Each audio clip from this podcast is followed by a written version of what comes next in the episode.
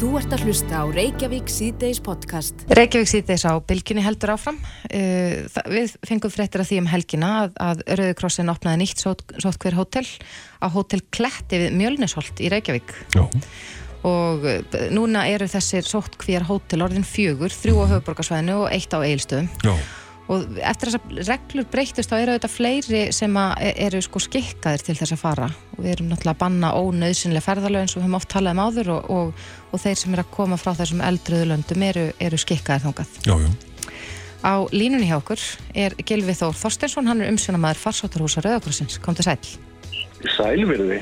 Já, hvernig hefur gengið? Þetta er nú aldrei orðið um, svona umsöga meira heldur en í upphafi. Já, það var farið í gegn hérna hjá okkur uh, yfir 2000 manns uh, í sóttkvíjar hótelunum Mm uh, síðan við opnum 1. april. Þannig að það er búið að vera svolítið lerill og, og svolítið að gera. Akkurat. En hvernig hefur, eh, sko, eftir að þessar breyttu reglur tóku gildi núna fyrir styrstu, uh, hafa þetta verið öðruvísi gestir eða, eða fleiri eða færri eða hvernig hefur þetta verið? Sko helgin var nú svolítið stóri á okkur. Við fengum 180 gesti núna um helgina og erum þar leðandi með 459 gesti í þessum húsum eins og staðan er núna uh, og síðan erum við með sko farsóttar húsin á Rauðrastík, þar erum við um tvö hús og þar erum við samtals um 50 manns Mhm. og eigilstöðum 43 þannig að það er, það er nóg að gera og hérna og mikið, mikið að sísla, þetta heldur okkur tánum Já. Og hvernig er skipað í herbyggi? Er, er þetta oftast einn á herbyggi eða er þetta heilu fjölskyldunar? Ég, stundum er þetta nú fjölskyldur saman, stundum er þetta einn og, og stundum er þetta tveir, það fyrir svona eftir hver, hversu margir er að ferða saman, en það er mikið um einstaklinga, já. Já. En sko til þess að hafa það alveg á hreinu og þú talar um þessi tvö farsáttarhús á Rauður, Rauður á stík að þetta eru Já. þá uh, þeir sem eru síktir fara nýra á Rauður á stík en annars, þeir- annars er þetta bara sótt kví. Já, þeir sem eru sýktir eða útsettir fara á rauðrastín. Þeir sem eru úts, útsettir og þurfa færlega að vera í viku í sóttkví, uh, þá eru þeir útsettir hér innanlands og þá, þá eru þeir hjá okkur á rauðrastíknum og eins þeir sem eru sýktir eru þar líka. Akkurat. Um, já, eins og við segjum að það, þá er þetta orðið töluvert stærra og, og stærra í sniðum. Ég man nú síðast þegar við tölum við þá talaður um að þið varðu að auka töluvert mannskapin. Já. Eru þið orðin enn fleiri sem að, að sjáu um þetta? Já, já, já, já, og það er meira sem bara uh, verið að ráða enn fleiri sko, fleiri starfsmenn. Allir við séum ekki komið með aukstar á bylunu 90 til 100 starfsmenn sem sinna þessu. Og uh, nú er það þannig að við, við erum uh, með þessi hús uh, út þennan mánuð, allavega. Við, það er bara samið um mánuð í einu. Uh, þannig að, og það starfsfólk sem til okkar kemur, bara ráðið við einn mánuð í senn. Uh, hvað gerir síðan í júni, vitum við ekki. Við vitum það að hótelin sjálfur er náttúrulega farin að bóka sko, ferðamenn inn á, inn á hótelin, þannig að það gæti orðið erfiðara fyrir okkur að finna laus hótel þá. Uh, og eins varandi starfsmenn, það er alltaf erfitt að ráða nýtt fólk í júni. En eru þið með, með plan B ef að uh, hótelin byrja aftur í svona eðlögum rekstri hvert svo oft hver farþegarnir muni fara? Við erum svona að vinna í því sko og svo er bara þá alltaf plan B, það er bara að sofa minna. En Gilvi segði mér, uh, hvernig er verklagið hjá ykkur ef að, ef að fólk veikist inn á sótt hver hótelunum eða, eða greinist með COVID þá við setni sínatöku? Já. Um, hvernig er þrýfum hátt að öðru slíku? Er, er það starfsmenn hóteluna, er það starfsmenn Rauðakrossin sem að, sjá um slíkt?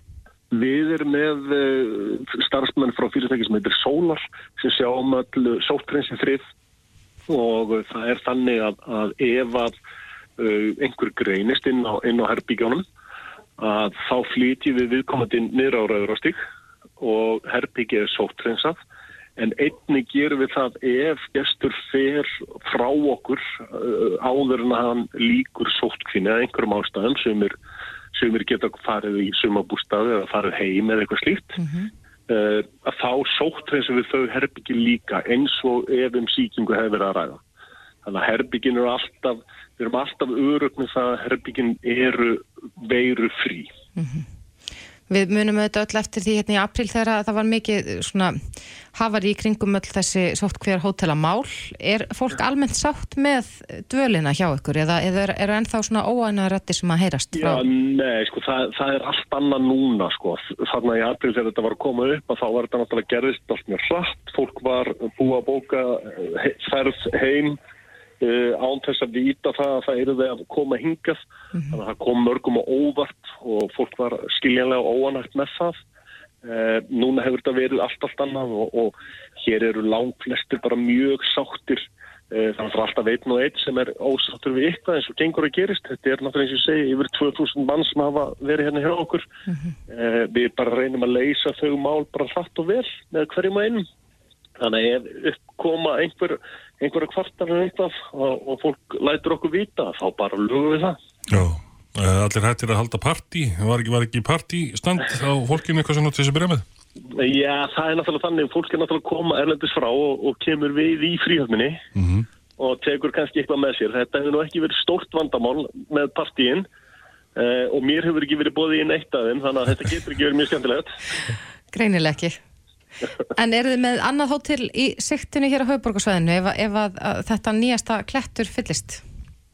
Við erum alltaf með uh, hótel í siktinu, hvort sem það sé hér á höfuborgarsvæðinu eða í næsta nákvæmni. Við, við þurfum alltaf að vera tilbúin að, að opna með skommi fyrirvara mm -hmm. og það eru sjúkaratryggingar í Ísland sem að sjáum það allt fyrir okkur og, og hérna, þannig að þau, þau, eru með, þau eru með það plan allt saman hjá sér. Já. Gilvið Þór Þorstinsson, umsjónamaður farsóttarúsa Rauðakrossins. Kæra þakki fyrir þetta. Takk. Þú ert að hlusta á Reykjavík C-Days podcast. Já, við höldum áfram í Reykjavík C-Days en í morgun kom út kompástáttur sem er ansi aðteglisverður. Þarna er verið að tala um uh, skipulaða glæpastarsemi á Íslandi. Það er sagt að aukin harka, þau, þaul skipuluð, tryggingasveik og 20 miljardar fikknefna viðskipti enkenna nú undir heima á Íslandi. Já og þetta eru svona ókvænlegar tölur og, og, og kannski staðrind að vera að tala um mikið uh, magna vopnum mm -hmm. og fleira í þeimdur en uh, þessir glæpahópar koma hingað margir hverjir uh, erlendis frá og eru að já, þessi tryggingasveik geta hlaupið á, á mjög háum upphæðum. Og við fengum til okkar núna hanna Katrinu Júliusdóttir framkvæmstjóra samtaka fjármálafyrirtækja til þess að ræða þetta eins við ykkur. Katrin þessi þáttur er um, ansi aðteglisverður og, og þetta verist vera mjög skipulöð brotastarsemi sem snýr það að tryggingafélagum hér á landi. Veltu velkominn. Takk fyrir. Hérna, já, við erum náttúrulega fyrst og fremst bara rosalega ána með að það sé verið að beina sjónum að þessu vegna þess að þetta kostar samfélagið töluvert að, að þegar að þetta er gert, þar að segja að þeirra svona fjársviki gegnum átryggingasvik eiga sér stað en það sem að sko við þáttur, svona, svona þáttur og svona, svona samtal um þetta skipti máli bara til þess að, að því okkur vantar ímis verkfæri til að fást við þetta uh mhm. -huh. og við til dæmis hefum verið að leggja áherslu á það að við viljum að komi auki fjármakt til lauruglunar þannig að það sé að horfa á þetta og það er mjög ánægilegt hvað lauruglan er að beina sjónu sínum að vátrygningasvíkunum líka en það kemur auðvitað til vegna þess að þegar að þeir fara að horfa á svona skipulaða brotastar sem er almennt að þá náttúrulega sjá þeir vátrygninga fjö dúka upp í hinum að þessum rannsóknum. Og við hefum séð dómsmál til dæmis þar sem að menn hafa yngar tekjur, það verður að dæma fyrir fíknefnamisferðli eða peningaþvætti. Menn hafa yngar tekjur sem geta sínt fram á svona eina gæðsalpa svona sínilegra eða löglega tekjur, uppgefnar tekjur mm -hmm. nema slísabætur frá vátringafélagum og þetta fær okkur auðvitað til að hugsa eins og, og þetta er vann rannsakað en þetta er ekkit bara einhverjir erlendir hópar, þú veist, við erum líka hérna, þetta er, þú veist, þjóðverðni er ekki endilega sko, stóri faktorinn, heldur svona geta menn greint þegar tengdir aðilar Akkurat. eru í, hérna, eru í þessu og við erum svona, menn hafa verið að byggja núna upp verkvarinn til þess að fara að takast á við þetta og, mm -hmm. og við þurfum að fara að ræða þetta. En þú talar um að, að þið fagnir því að það sé meiri umræðum þetta og að, að lögreglan þurfi að jafnvel fá meira fjármakt til þess að bregðast við þessu. Það hlýtur að teljast svona nokkuð sérstakt að tvö tryggingafélag íslensk hafa brúð á það ráða að sko ráða til starfa fyrfinandi rannsóknarlauruglumenn mm. til þess að hjálpa sér í þessu málum. Já og það er í raun og verið vegna þess að, að sko, það er hægt að greina á hverju minnstur og menn hafa tölverðar einslu í þessu líka ellendis mm -hmm. það er að sjá á hverju minnstur og það sem að hefur að gerast hjá átringafélagunum á undarförnum árum er að, að þeim er mjög mikið í mun að verja yðgjaldagreðendur fyrir því að, að, að, þessi, að þau séu misnóti með þessum hætti. Þannig að þetta hefur síðan auðvitað áhrif á yðgjöldin, þetta, þetta leggst inn í það, ég get svo sem líst því betur og eftir. Mm -hmm. en það er það sem að verið er að gera er að það hefur til dæmis, þá eru við uh, í gegnum samtök fjármálfyrirtækja þá eru við að reyka tjónasögugrunn þar sem að, að hægt er að, að fletta upp fyrir tjónum og þá er hægt að sjá og greina á hverju minnstur en það þarf ákveðna sérhafingu í það að greina svona minnstur og markaðinir hér, bæði í Evrópu og, og þar með á Íslandi eru mjög þroskaðir og átræningamarkaðinir og þjónustu með þær sem þýðir að þröskuldarnir eru mjög lágir. Mm -hmm. menn bara eins og til dæmis hérna við hefum gert könnun sem að sínir að veist 80% þeirra sem að, að sækja bætur fá fulla, fullar bætur það er að segja tjóna, full, tjónin að fullu bætt mm -hmm. Uh, restinn þá færðu það að hluta og mjög sjaldan er bótakröfu hafnað Já. þannig að, að það er í einhverjum undat, eða sko mjög fáum tilvikum þannig að þröskuldanir eru lágur til þjónustu með að geri þar með það þýðir þá að menn líta til hans til, í þessum svikum og þess vegna þurfum við að vera meira vakandi í að, að taka á því og fyrirverðandi rannsóknlauruglumenn þeir kunna, eru með svona ákveðin greiningahæfileika og greiningar einslu og geta séð þessi minnstur mm -hmm. þannig að ég held að við munum bara sjá aukningu í þessu Já.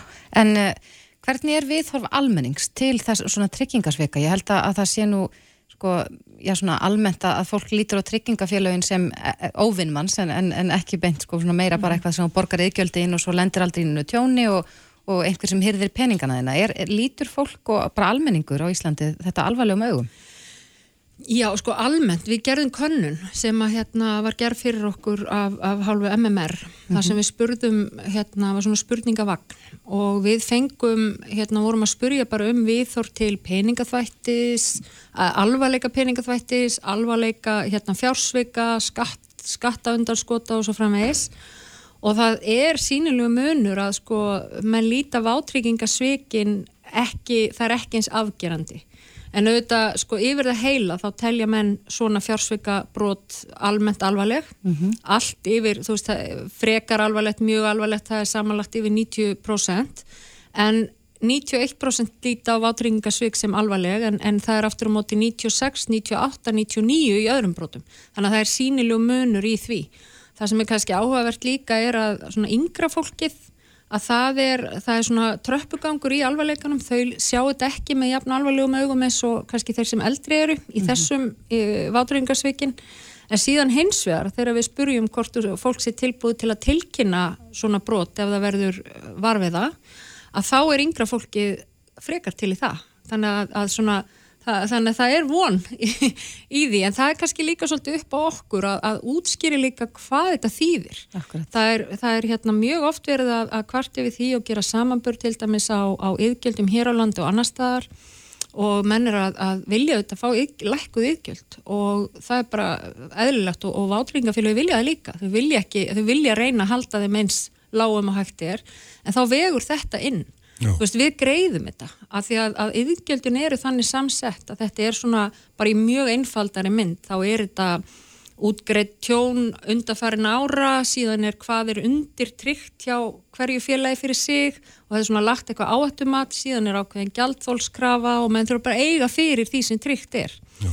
og þá er lagt mat á það og þannig vegur þetta inn í yðgjöldin mm -hmm og þess vegna skiptur svo miklu máli og, og þess vegna er þeirra að ráða lauruglumenn og búti tjónasögrun, það er að verja yðgjaldagreðendur fyrir því að, að, að félagin séu misnótið með þessum hætti. Já, er það þannig að uh, það er náttúrulega kannski erfitt að uh, sanna þessi mál þó að grunur sé komin upp, er svona byrjun ansi háa á tryggingafélagin? Hún er mjög erfið og það er meðal, meðal annars eitt af því sem við viljum hérna fara að skoða það hafa verið sett hérna, það hafa löggefin í Nóri hefur svona einhvern veginn, hefur aðeins tekið á þessu mm. og við erum núna að, að vinni í því að skoða það og kannan hvort að, að það væri hægt að gera ykkur breytingar þannig að, að það samsvaraði þessi betur við það sem að normin er að gera uh, Sönnunabyrðin er þung, hún er erfið í svona mm -hmm. málum það er líka rosalega erfitt fyrir einstakt félag að segja við eitthvað sem er viðskiptavinnu sin, heyrðu okkur grunar að þú, þú veist að þetta sé hérna að þú setja svíkja fjö eða svíkja hérna, fjö hér út úr, út úr fjöleginu, það er ekkit auðvelt Nei. það er mjög erfitt sérstaklega þegar það er hörð samkeppni það er auðvelt að flytja sig á milli og menn eru svona, þetta er, þetta er mjög þjónustum með og þess vegna skipt svo miklu máli að lauruglan sé inn í þessu og Akkurat. þekki þetta Já, það kom fram í kampása stundum að fólk hópa sér saman í bíl og ekkið á ljósastöður og, og, og reynd að fá það bætt frá, frá tryggingafélagunum og fengið. og fengið. Eru, eru fleiri dæmi, svona dæmi sem að hafa ratað hennar borð?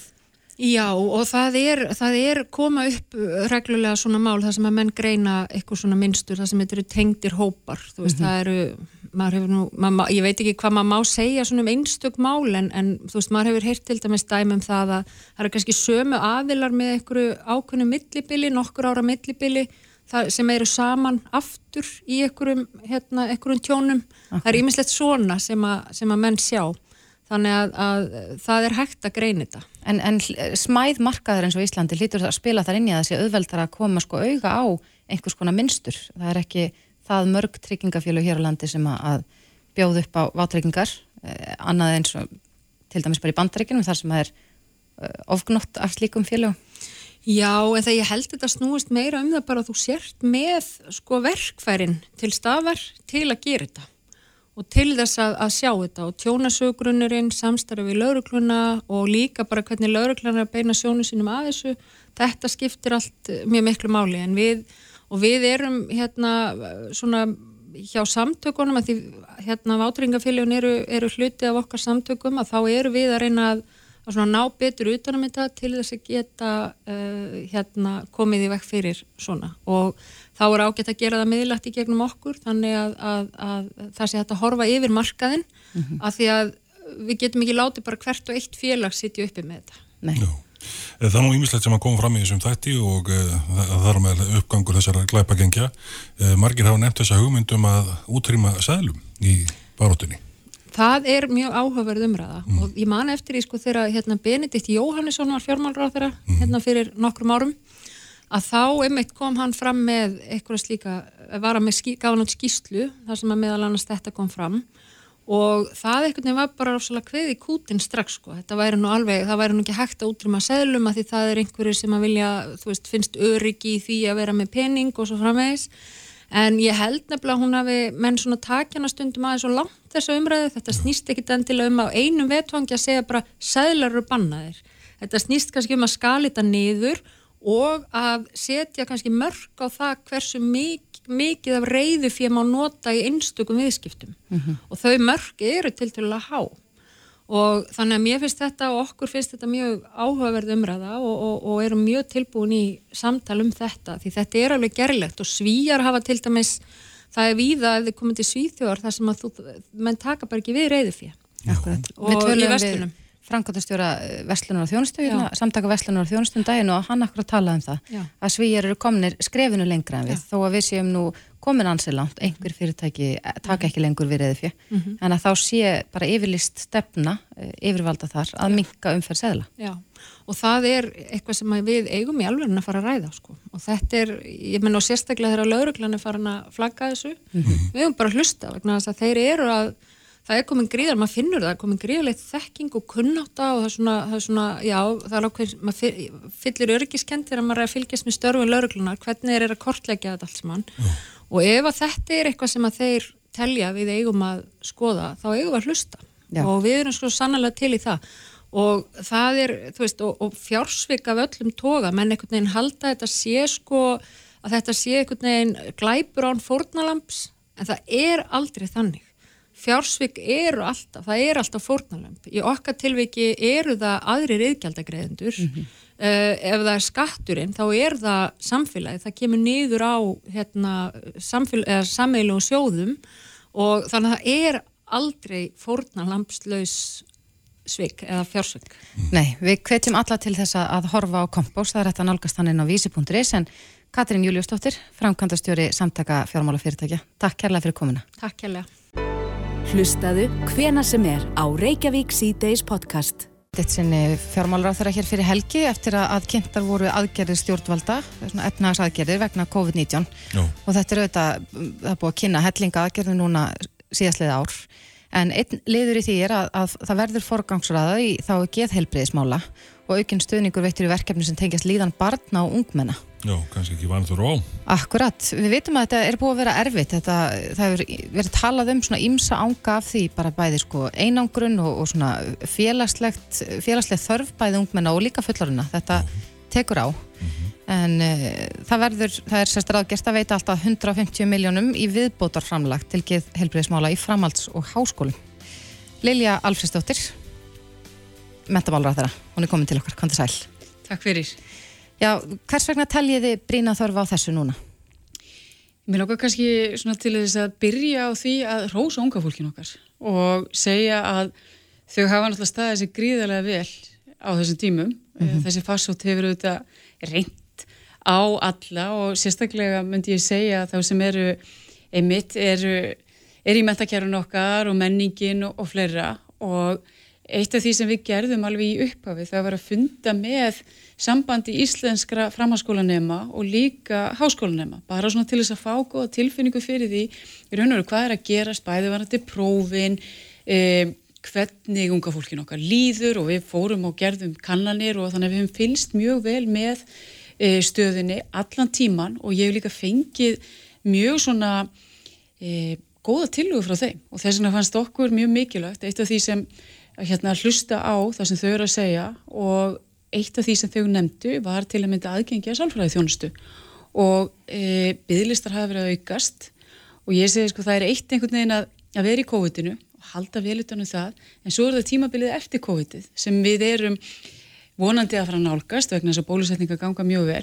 En við viljum auðvitað hafa þetta þannig að við sagt, að, að unga fólki okkar geti fengið þá þjónustu sem þau vilja og við höfum verið bæði fyrir COVID-ið að auka e, sálfræði aðstóð á framháskólastíðinu og líka e, að huga betur á háskólastíðinu en mér finnst þessi liður e, það er að segja að setja aukna fjármunni inn, inn í þennan málaflokk hann sé mjög mikilvægur. En hvernig verður þetta gert? Verður þetta sagt, skipt niður í framhaldsskóla og háskóla og þá eitthvað innan skólana í samstarfi við mentastofnarnar? Já, við, hérna, við höfum gert þetta allan tíma þannig að við auðvitað leitum eftir tillögum frá framhaldsskólanum og frá háskólanum hvernig sé best að, að, að rinda þessu í framkvæmt.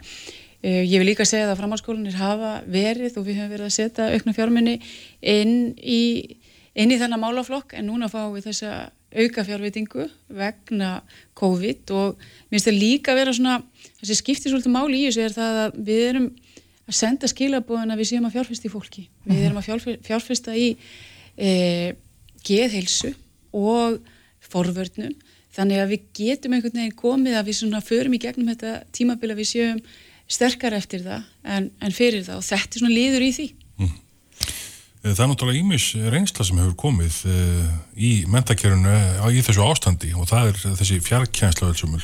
Er þetta eitthvað sem að getur nýst í framtíðinni? Þetta er að nýtast og mun halda áfram að nýtast vegna mm. þess að það eru þetta heilmikið lærdómir í því að það segja margir að, að COVID hafi þetta svona e, orðið þess valdandi að svona tækni þróun sem hefði kannski tekið mögulega tíu ár bæði í mentakerfinu og líka verðandi heilbríðistjónustu að við hefum einhvern veginn komist á, þess að lært meira þessu einu ári en við hefum mögulega annars gert á tíu árum og margir voru að búast við því að við erum komin á, á þennan stað árið 2028 eða 2030 en við erum komin svolítið langt í því hvernig við nýtum bæði alla fjárþjónustu og annað slikt. Mm -hmm.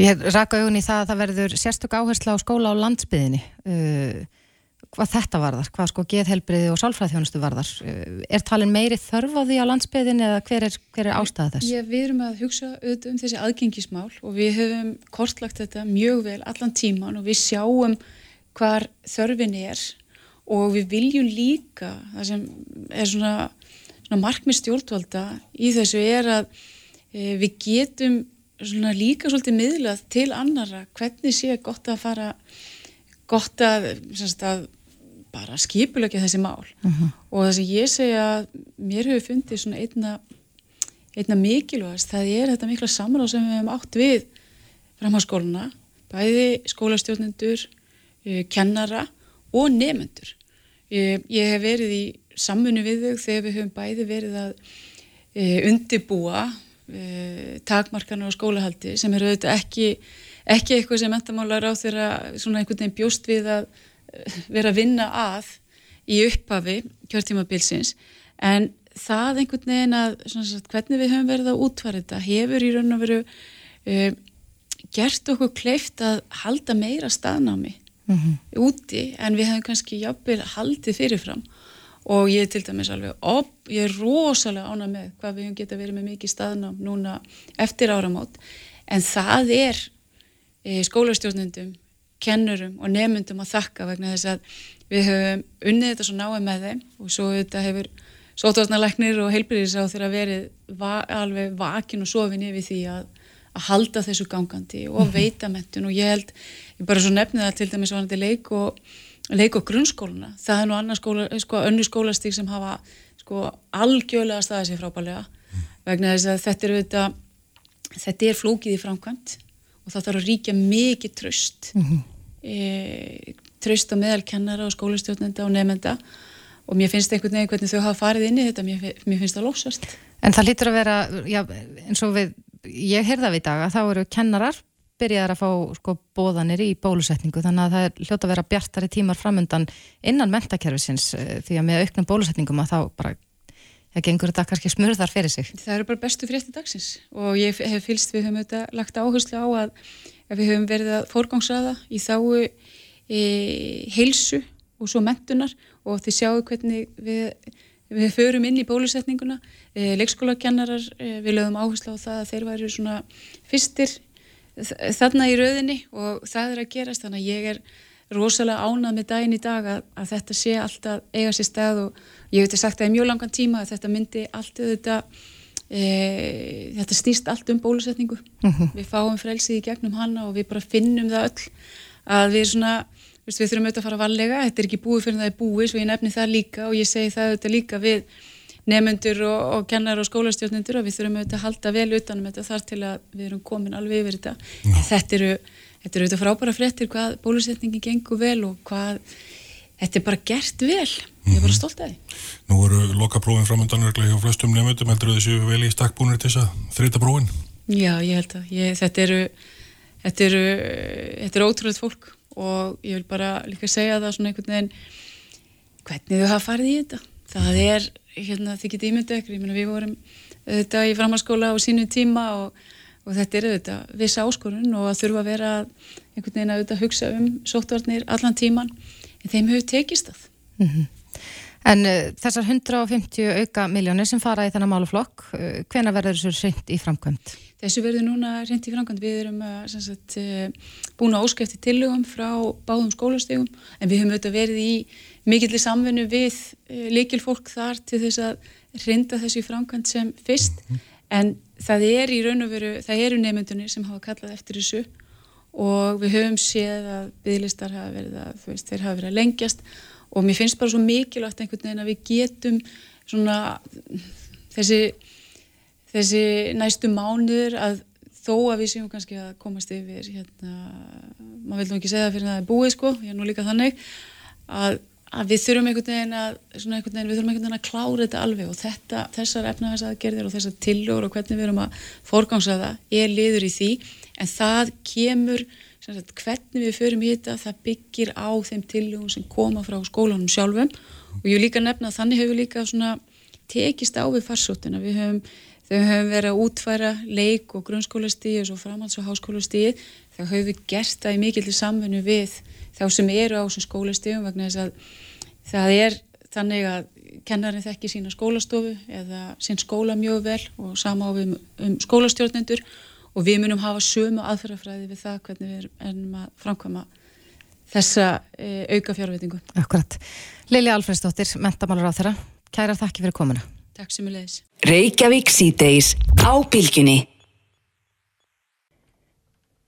Reykjavík síðdeis á bylginni heldur áfram. Það er auðvitað e, ekki bara COVID og ekki bara það sem er í fréttum hvern dag sem að ratar hinga til okkar en nú heyrum við af því að eldgósið hægir sér eins og góskver og maður hefur nú séð myndir um helgina og myndbönd þar sem að er ímislegt, já svona óheðbundi búið að vera í gangi en nú hefur nýtt hættumat verið gefið út fyrir svæðið í Geldingadal en uh, það hefur verið gjóskufall og fleira. Á línunni hjá okkur er Þorvaldur Þorðarsson, prófessor í eldfjallafræðin. Kom til sæl. Góðan dag. Já, Þorvaldur, segðu okkur nú frá því hvað er búið að vera í gangi núna um helgina. Þetta hefur verið herri sko, strókar af kviku sem hafa uh, fleikt sér upp í loftið. Já, ásýndin hefur breyst áttið og, og sérstaklega á, á vissnum í kífunum. Mm -hmm og uh, það sem skeri uh, hérna að, upp á miðnætti á, á lögðarskvöldi að, að þá fór gósið að vera svona seiflugkjent í honum. Þannig að, að það eiginlega fór bara neyri í eiginlega ekki neitt að gerast í, í upp í það að mynda þessa mjög fallegu og feikna háu kyrkstrókar sem að okkur reiknaðist að það farið sko í alltaf 250-300 metra hæstu slekkurna þaðan. Mm -hmm. Er þetta hefðbundi með, með svona gós að, að gígarni verði svona háir? Þetta er svona verði svona háir, ég, það er ekki óalgeng. Sko. Nei. Uh, til dæmis voru kveikustrókar í, í hérna upphafi gósins í Púó á Hawaii, þeir fóru nú í, í, í vel yfir 400 metra. Mm -hmm. Það var nú minna, minna á það líka að kveikustrókarnir í Heklugósunum 1991 þeir vorum í 450 metrum mm -hmm. veldust sko þannig að, að þetta er nú ekki óalgeitt að sjá svona byggjastrókar þessari hæð en, en, en hérna að þetta er kannski e, óæðilega að virða á er það að, að e, hversu hrætt er í guð Akkurat En nú er alltaf sama spurningin sem að kemur frá okkur allavega fjölmjöla fólkinu er, er við einhverju nærum hversu lengi þetta muni vara? Gósið sjálft? Raun og veru ekki. Það var mjög gaman að geta svara eitthvað, gefa ykkur ákveði svara þessu spurningu en, en eh, ég hef þetta sé alveg sko ennþá 50-50 eins og eitthvað segir hvort það hættir á morgun eða, eða, eða endur áfram í nokkur ár. Mm -hmm. Og ástæðið ég segi það er að hraunræstið hefur ekkert breyst Þetta er bara vissnin í kíkonum sem hefur breyst og hún tengist fyrst og fremst eh, þess að losum gass úr kvikunni en söndveðslega er jæmt og fjert á stöðu sko, frá, frá kíkonum og við hérna, sjáum það nú kannski ekki eftirlega. Akkurat. Þannig að e, það sem við hefum að sjá er það að, að, að það er eitthvað sem tefur stóru blöðurna sem hafa verið að við halda þessari svona sprengivikni kíkonum alveg frá því að þetta er við og fyrst ræðist það nokkra gíga nú undan farið búið að vera á þessum einu gíg og það hefur haldið svona, svona stöðugu veikri sprengivirkni í gangi í, í gígunum. En núna erum við konum með þetta að það dektur alveg neyður og síðan ríkur upp og það er vegna þess að það er eitthvað sem er að tefja eh, hérna þessar stóru blöður að komast upp Akkurat, en, og springa við, við yfirbóð. En, en Þorvaldi, þú segir samt að virknir sé svo sama, en að raunrenslið sé það sama? Já, framleginin er, er verið alveg sama og ég hef kannski aðeins meiri heldur en þetta var. Og var við því að búast að myndi aukast framleginin þarna? Það, var, nei, það er ekkit, ekkit sem mann sá okkur það, sko. þetta er það ekki búið að þetta, en þetta, ég, ég byggja þetta átaldi á því að mennur að mæla aðeins meiri brendisteins útgöðsum þetta mm -hmm. var ekki fyrir þenn vikum síðan. Þannig að það er svona var um 30 kg á sekundu fyrir um þenn vikum og núna er það í, komið í, í réttur umlað 60 kg á sekundu Akkurat. Það er næleika sem voru gerðar í og þar, þannig að það þýðir sko ef það auka útströmi brennistein þá þarf það að auka útströmi kvikunum mm -hmm. En þú ert nú prófessor við Háskóla Íslands. Hefur þetta ekki verið mikið lærdomsferðli fyrir þá sem eru að nema við háskólan? Jú, jú, og lærdomsferðli fyrir okkur líka. Við erum alltaf að læra um alltaf eitthvað nýtt í hverju gósi og uh, þetta er við uh, feiknarlega gott tækifæri fyrir unga vísindamenn að, að, að, uh, að hérna ná sér í nýja tekkingu og, og nýja skilning á, á eldgóðsum sko, að sjá þetta bara svona viðvandir fram að sig. Miklu næra að læra það að fennan hátt þetta að vera læra það að bók. Mm -hmm. Og þetta heldur bara áfram að hefur, hafið orðið vörfið já, svona, aukna ásókn í eh, til dæmis eins og jarðfræði eða eldfjallafræði eða annars líkt af, af námsmannum sem er að skoða hvaða nám er í bóði? Það er kannski koma í ljós. Ég held að um svona frosturinn sé til er í byrjun júni. Mm -hmm. Þannig að við sjáum bara lokatöluðan er og ég hef ekki, ekki, ekki, ekki kynnt mér að sérstaklega en, en, en ég ger alveg fastlega ráð fyrir því að, að, að það verður ekki rannsókn í jafnsvæðina. Það fylgir oft þessum atbyrðum og, og, hérna, og svo líka þar frutan þá viljum við gert að fá fleiri í námi í jærvísindum en það er svo mikið eftir að gera í íslensku jærvísindum. Já, þetta er ekki síðasta elgósa sem við munum sjá. Alls ekki, alls ekki. Við munum sjá mörg, mörgi viðbót og svo eru önnus við jærvístar sem að það eru býða líka mörg ólisverkar. Já, ertu búin að fara oft upp að góðstöðunum? Það hlýtur nú að vera í svona rannsóknarskinn allavega en ertu búin að fara sjálfur bara sem, sem óbreyttur ferðamæður? Ég hef ekki farið sem óbreyttur ferðamæður. Ég hef búin að fara nokkuð sinnum í, í, í nokkuð oft í rannsóknarskinni. En, en e, það er aldrei að vita nefnum að maður tekið sér smá pásum frá rannsóknunum og tekið frá gungustafin og, og, og röltið hann upp yfir eins og, eins og, eins og aðrist. Akkurat, já, þetta er mikið sjónarspill. Ég get alveg staðfest að ég er búin að fara tvísvar, fór í fyrraskipti í fyrstu vikunni og svo núna fyrir rúmri viku síðan og þetta er eins og að koma bara á allt annað svæði. Já, já, þetta er, sko, þetta er tilkomið mikið og, og, og ég hvet fólk þess að fara, þeir sem eru búin að fara, fara endilega aftur eins að núna er sjónarspillir aðeins öðruvísi mm -hmm.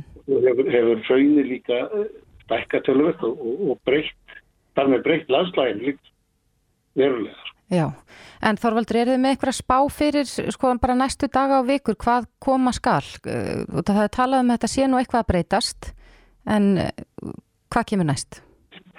Ég, ég sé sko að fylgst með þessum neyfir helgina að, að, að þá er með líklegt að, að gósi haldi bara svona þessum dampi sem það er á núna, kannski mætti, kannski drefur eitthvað aðeins úr kvíkustrókavirkni mm -hmm. að það veitir hvernig þetta haft er þarna í, í, í rásinni, góðsrásinni og hversu vel það getur, hversu vel við testa að tefja fyrir stóru blöðrónum sko. Það koma þá í, í, í svona streng alveg upp og, og mynda þessa stóru kvíkustróka ef, ef, ef, það tekst en svo getur vel verið að það fara að slaka hans á og þá verði uppstreymi eins og stóru blara jefnar og þá verður virkni líka í gíknu jefnari.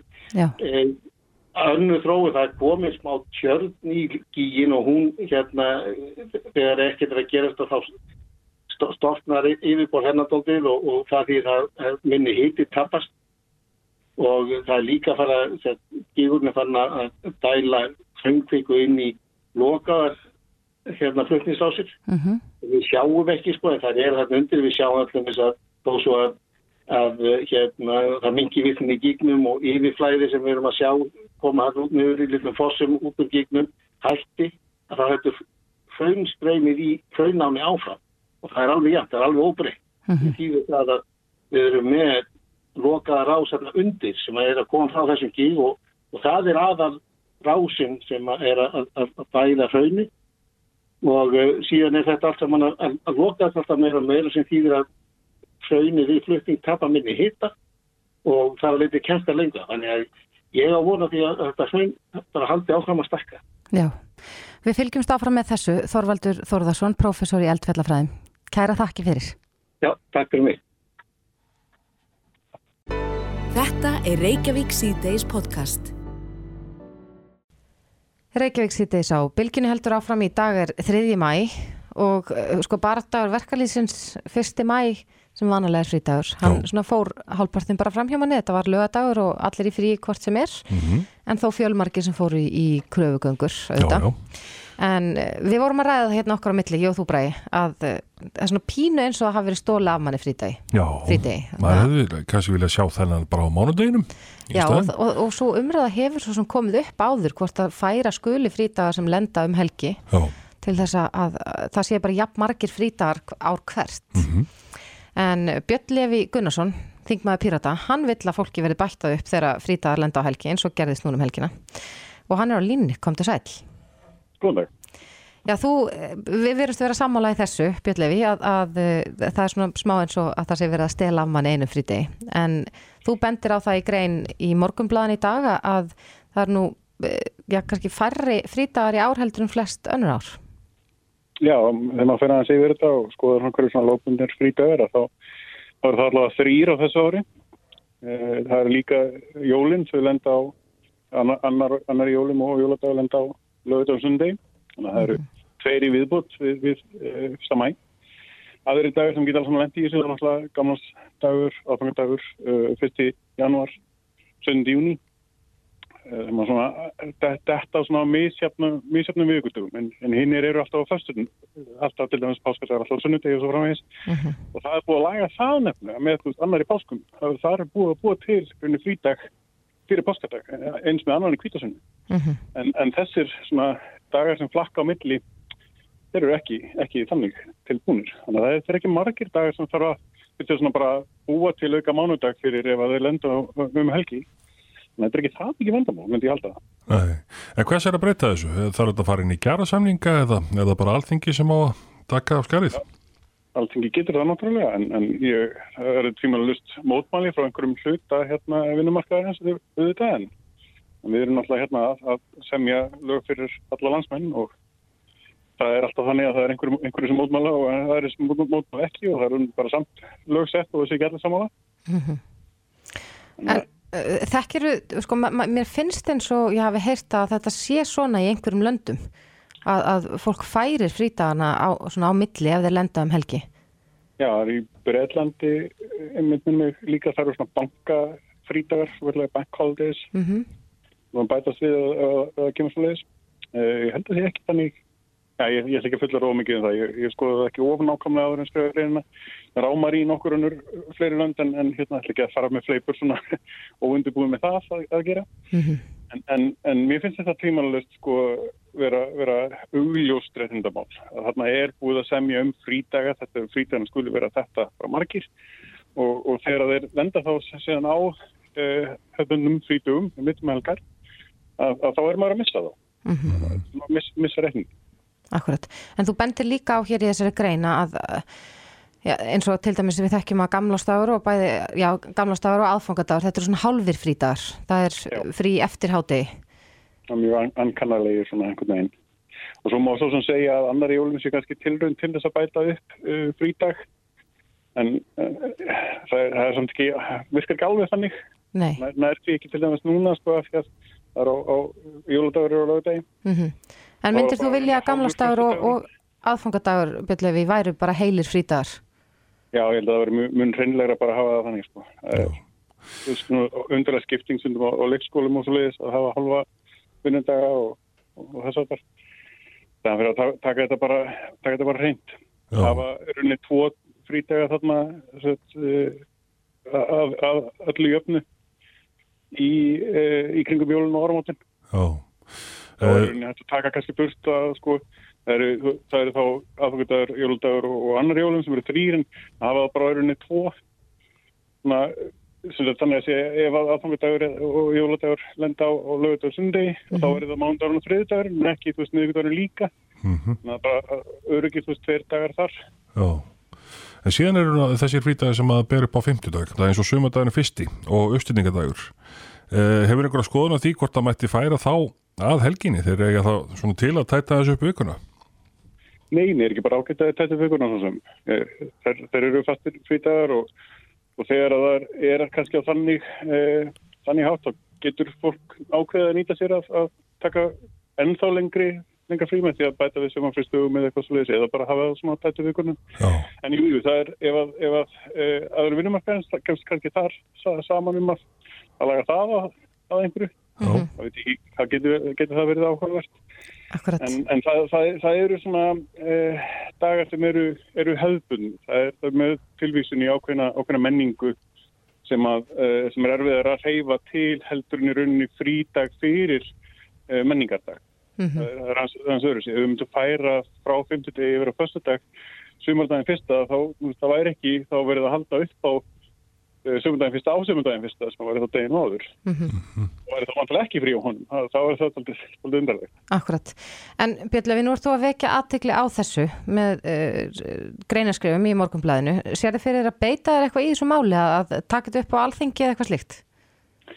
Já, það var í, bara, þetta er það sem er búið að bralla í hausnum á mér og nú náttúrulega bara sendlið á kjörtjónabilið. Mm -hmm. Má veit ekki alveg hvort að frumvart að henda því inn í þingið okkur núna sé eitthvað svoðalega hjálplegt eða eitthvað svo leiðis en kannski getur þetta verið kostningamál, hver veit. Mm. Það voru bara tilbúin í þetta í strax sem næsta kjörtjónabilið að, að leggja stæði þessa vegferð. Já, við fylgjum með því. Björn Levi Gunnarsson, Þingmaður Pírata. Takk kærlega fyrir. Takk. Reykjavík síðdeis á bylginu heldur áfram. Ég held að, að það geti bara allir sammælst um það að það var nokkuð magnað að fylgjast með fréttum helgarnar. Já. Það sem að 126 konur fóru upp á já, Kvennadalsnjúk. Mm -hmm. Þetta er toppuðu Kvennadalsnjúk og verkefni heitir Kvennadalsnjúkur. Já. Og þetta er verkefni sem að er sko fórsprakki verkefnisins er, er hún Guðrún Sigriður sem að greindist áður með krabba minn mm. í leghálsi en hún stopnaði félagi lífskraft og þetta er eiginlega alveg magnað fyrirbærið en markmiðið með lífskraft er, er að sapna áhættum fyrir bæði félagin kraft og líf og að vekja aðtegla á málefnum þeirra og já líka bara minna á mikilvægi útivistar já. en við fylgdumst með þeim þvera landi fyrra snjódrífunum mm -hmm. en núna fóru þær á, á uh, eh, Kanadasnjúk og komist allar heilar og húfi upp á topp og aftur niður. En ein af þeim sem var með mér í för var Áslögu Arna Sigurbjörnsdóttir dómsmálar á þeirra en hún var líka verndari göngunar. Áslögur á línni, kom til sæl Sælverðin Já, byrjum á því, hvernig var þetta? Ég, ég þykist nú vita að, að þú ert ágætla reynd göngu kona en, en, en þó kannski ekki alveg í sama flokki og, og Vilborg Arna og félagar.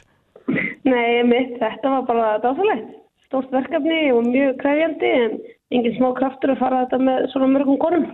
Og þetta gekk áfallalist fyrir sig hjá öllum 126 ja, konum? Það gekk alveg stórkáslega. Það var mjög kallt en það var mjög fallegt og bjart og gott viður og e, það var, við gáttum séð vel yfir all landi þarna á toppnum og allar konur það komist upp á topp. Mm -hmm. Þannig að það er ekki hægt að kvart yfir nefnu. Við vorum með landslið fjallarleðsugumanna með okkur í kvennaflokki mm -hmm. og það hjálpaði þetta líka til. Ég hef heyrt, að því núna eftir helgina að meiri segja þetta landslið í, í fjallgöngum eins og maður segir að þær hafi verið halv hissa á kuldanum að í vindkælingunum hafi þetta verið um 25 steg af frost. Var... Já, ég var ósað fegin að heyra að þetta hef ekki bara verið ég sem er svona kallt. Allir... Þetta gekk alveg ótrúlega vel og það voru allir nógu vel búnir þannig að þeir voru undirbúinir í að gera þetta með þessum hætti. Akkurat. Eins og ég sagði þetta náðan... Já, eins og ég sagði hérna áðan áslega þá varst þú verndar í göngunar. Hvað er fólkið því að taka að sér það hlutverk? Ég og Afenna Sirjar fengum það hlutverk á lögða stað yfir vatnahjúkul að stera hann í fyrra. Mm -hmm. Það var nú bara svona gert til þess að halda þessu góða verkefni á lofti og hún hafði, við kynntumst bara í fyrra hún hafði lesið viðtur við mig eftir að ég hafði kynst krabba minni sjálf í gegnum fórelda mína og misti memmi mína úr því mm -hmm. og við eh, tengdum mikið og hérna og hún fekk mér þetta verkefni og, um, og ég bara fylgdist með þeim hvað það er áfram og vakti aðtikla verkefni í fyrra og gekk svo með þeim núna. Já. Ég held að, ég sé það í gegnum samfélagsmiðla og í gegnum miðlana að, að ja, margar konur sem að, að þarna voru, uh, voru mjög svona upp ég raun og veru bara upplöðu miklu tilfinningar þegar þú helst ræðu fyrir þar áður en þið fóruð af stað. Uh, þar talaður um, um þína reynslu af því að fóröldrar þína hafi bæði greinst með krabbamenn og svo mistur um ömmuðina eins og segir. Var ekki, þetta var afmælistagur móðurðinnar, dagurinn sem þið farið af stað? Jú, það er rétt. Mamma hefði fagnar 62 ára sín um helgina og það var því algjörlega einstaklega fyrir mig að taka að mig þetta verkefni Eh, að sigra núgin með mögnuðu konum fyrir þetta góða málefni á þessum deg. Mm -hmm. Mamma var mjög jákvæð og ólmöðu þannig upp að stefna hátt og setja mér skýr og stór markmið en líka vera jákvæð og, og hérna uh, og ekkert smá gaman að geta leist þetta verkefni í svona mikillig hvenn orku. Mm -hmm. Og ég ávartaði aðeins hérna hópinni hérna um, Þarna, saman dag við lögum að staðum kvöldið fyrsta mæ sem er ammælistæður móðum minnar og er alltaf haldinn hátilegur í minni fjölskyld. Já. Hvernig líður núna svona eftir helgina? Erstu, erstu þreytti í skroknum eftir þessa krefendi göngu? Já, ég er það. Líka vinnu svona smá bara hérna allur mjög styrður og stífur en samt alveg svona þokkalegur með að við. Já. Ég er kannski sleppið því að fara í hæla sko þessa vikuna. Akkurat. En sér þið fyrir þér frekari göngur í sömur? Ertu, ertu mikið á fjöllum? Já, ég hef alveg notið þess að fara á þetta fjöld og ég hef þetta ferðið svona til skiptis og langar að ganga eitthvað nýtt. Já. Við oft farið fimmur og hálf svona allavega einu sinni á sumri og allir ég reyni ekki að gera það í sumar ef, ef kostninga bara það lefir. Akkurat. Ég veit kannski aðtegla því að, að það er ennhægt að styrkja uh, lífskraft eftir þessa merkilegu göngu á Kvennadal snúk og bara hveta alla til þess að kynna sér það. En Áslögu Arna Sigurbjörnsdóttir, dómsmálur á þeirra kæra þakki fyrir þetta og vonandi jafnar þig af hardsbörunum sem fyrst. Já, takk kærlega fyrir. Reykjavík síðdeis á Bilginni podcast